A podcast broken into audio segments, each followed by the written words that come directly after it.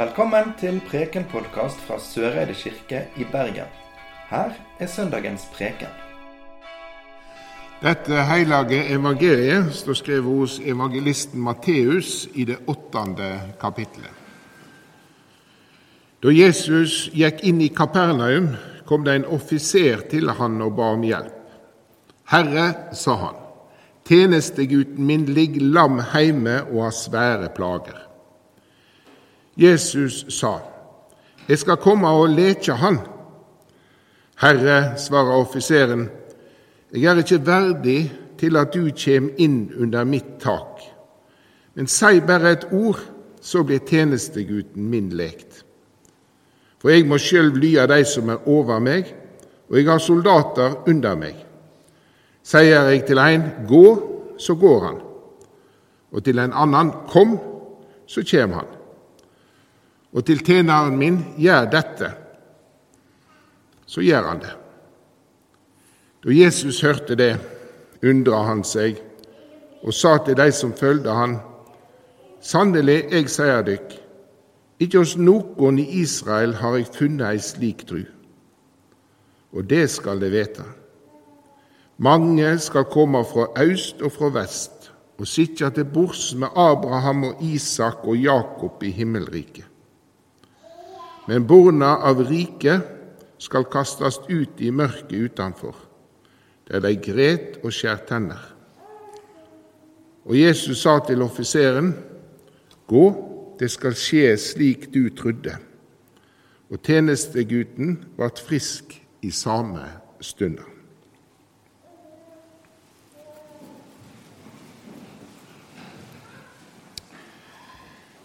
I denne evangelieteksten for denne søndagen så møter vi altså en romersk offiser. Og Det greske ordet som er brukt i den teksten, er centurion. Og en centurion er en som hadde kommando over 100 soldater. Altså en eh, kompanisjef, ville vi sagt i våre dager. Og Den romerske, leir, eh, hæren har tydeligvis en forlegning i Kapernaum. Og På denne tida er det nokså fredelig i Israel. Eh, den romerske hæren hadde tatt kontroll over hele området ca. 90 år tidligere, eller 60 år før Kristi fødsel. Men Israel og området rundt ble regna som ganske urolig og egentlig veldig sånn usikkert område. En usikker del av det store Romerriket. Og Det en da gjorde, det som en romerne hadde som taktikk, det var at de rekrutterte lokale konger fra det folkeslaget de okkuperte. Og så plasserte de mindre hæravdelinger utover, som skulle være et slags støtteapparat for disse lokale kongene. Det er derfor vi kan høre om kong Herodes og alle disse her i f.eks. juleevangeliet. Hovedstyrken til den romerske hæren var lokalisert i Cesarea ved havet. Og Der bodde vanligvis landshovdingen, den romerske landshovdingen Pontius Pilatus.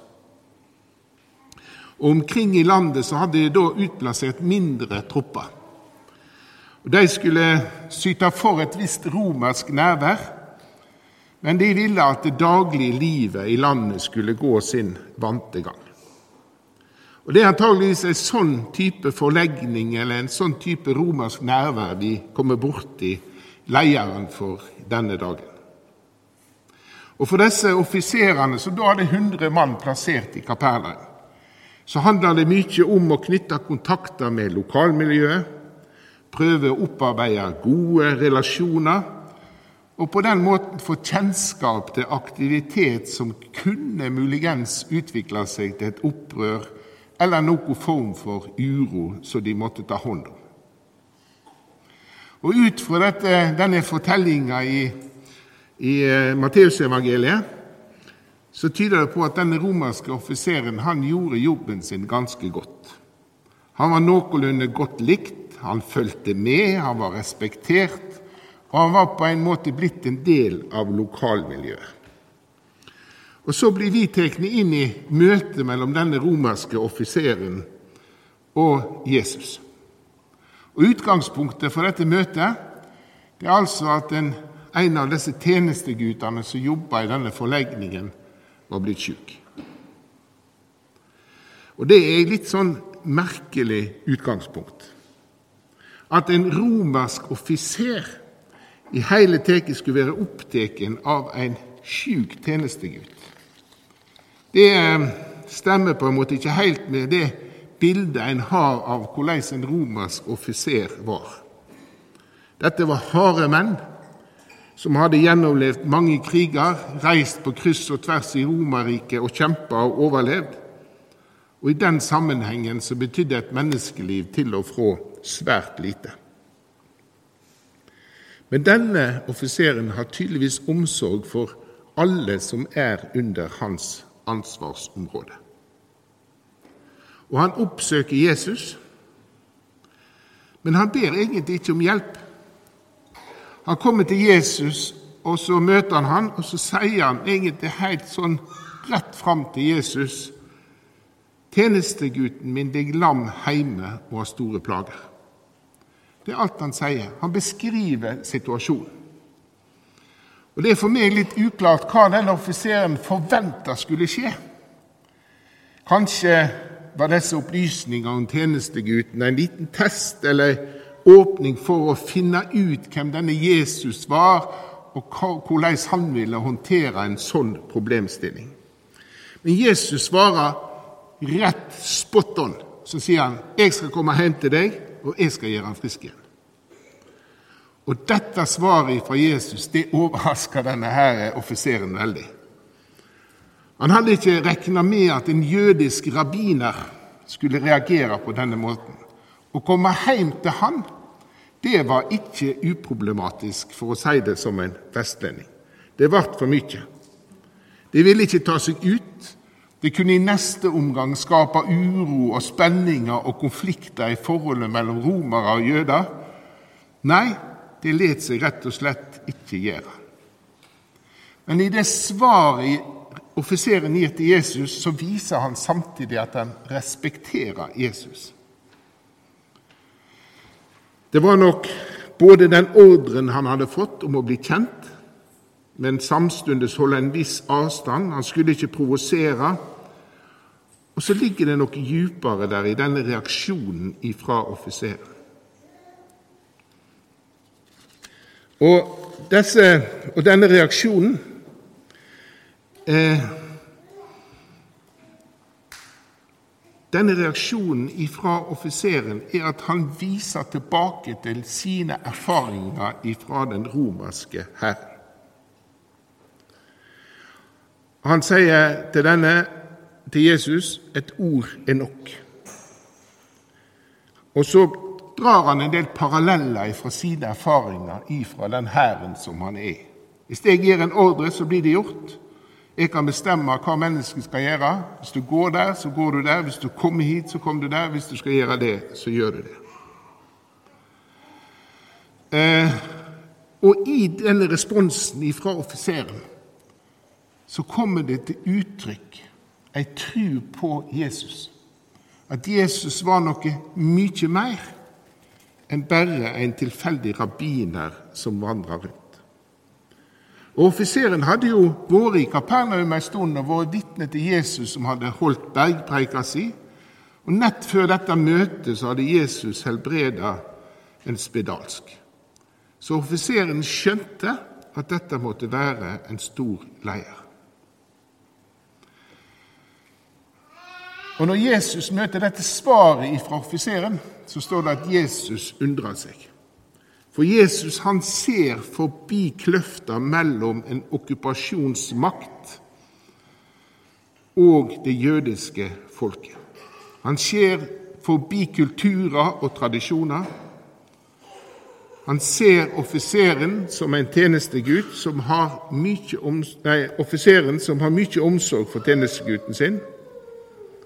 Og så viser han oss samtidig at rekkevidda for Guds rike, det er ikke avgrensa, verken av kultur, tradisjoner, om du er okkupasjonshær, eller hvem det nå så måtte være. Og Jesus sier òg mange skal komme fra øst og fra vest og sitte til bords i Guds rike. Og så blir det denne overgangen som gjør at denne tjenestegutten blir frisk igjen. I Bibelen leser vi om mange mirakler. Mennesker som i møte med Jesus blir helbreda, men også trolig mange som ikke blir det. Og Vi kjenner jo òg fenomenet igjen fra vår egen tid. Joralf Gjerstad i Snåsa han fikk hjelp av mange mennesker. Og Det er ikke så mange ukene siden han avslutta sin vandring på denne jorda. Det er lagt filmer om han, det er gjort veldig mye for å dokumentere at det han gjorde, faktisk hadde en effekt. Så det er fenomenet at mennesker kan bli friske på uforklarlig vis. Det lever midt mellom oss også i dag. Men så er det ikke alle mennesker som blir friske. Det er ikke alltid dette skjer. Og Da tenker jeg at det er som om vi ser små glimt av det som skal komme. Glimt av hvem vi tror på. Glimt av den kjærleiken og omsorgen som Gud har for oss. Og så lever vi samtidig midt i ei vær av forgjengeligdom, sykdom og død som kan ramme så vilkårlig. Og på ett vis så har vi også i dag fått sett et glimt. Et glimt av et mirakel. Når landet åpner opp igjen, og vi har fått en vaksine som gjør at vi kan være der vi er. Jeg hørte på radioen nå i sist uke at normalt sett så går det ni år for å utvikle en vaksine som den vaksinen vi nå har fått, de aller fleste av oss. Mens denne gangen så tok det mindre, altså tok det et år, halvannet år før vi hadde vaksinen. Og Det er fordi de har forska på dette her mRNA-greiene fra 90-tallet og framover. Så det var egentlig pur flaks at den pandemien kom akkurat nå, som gjorde at vi kan sitte her, som gjør at vi kan åpne opp igjen samfunnet vårt. Og Vi kan tenke at det er jo egentlig et mirakel at det har skjedd. Vi har så lett for å ta det som selvsagt. Og midt i denne gleda vi kjenner òg på dette mirakelet med denne vaksinen og det at vi kan åpne opp igjen, så skal vi òg ta med oss alle de som er råka, alle de som har mista noen, eller alle de som sliter med virkningene av sykdommen. Og så tenker jeg vi òg har vært vitne til et annet lite glimt i dag i gudstjenesten. Lovise hun ble Guds barn da vi døpte henne. Gjennom det tydelige teiknet med vann og håndspålegging så blir Louise lagt i Guds hender, omslutta av hans kjærleik gjennom hele livet. Og Når vi om litt skal feire nattverd sammen, så lyder Jesu ord til oss. Vår Herre Jesus Kristus har nå gjev oss sin heilage lekam og sitt dyre blod, som har gått til soning for alle våre synder. Her lyder ordet ifra Jesus. Syndene dine er tilgitt. Du får lov å begynne på nytt. Mirakelet skjer i hver og en av oss når vi tar imot brødet og vinen. Og nå når koronaen er over, så kan vi kjenne på en stor glede og en stor fridom. Vi kan få lov å leve mer som normalt. Vi kan være oss sjøl på et vis.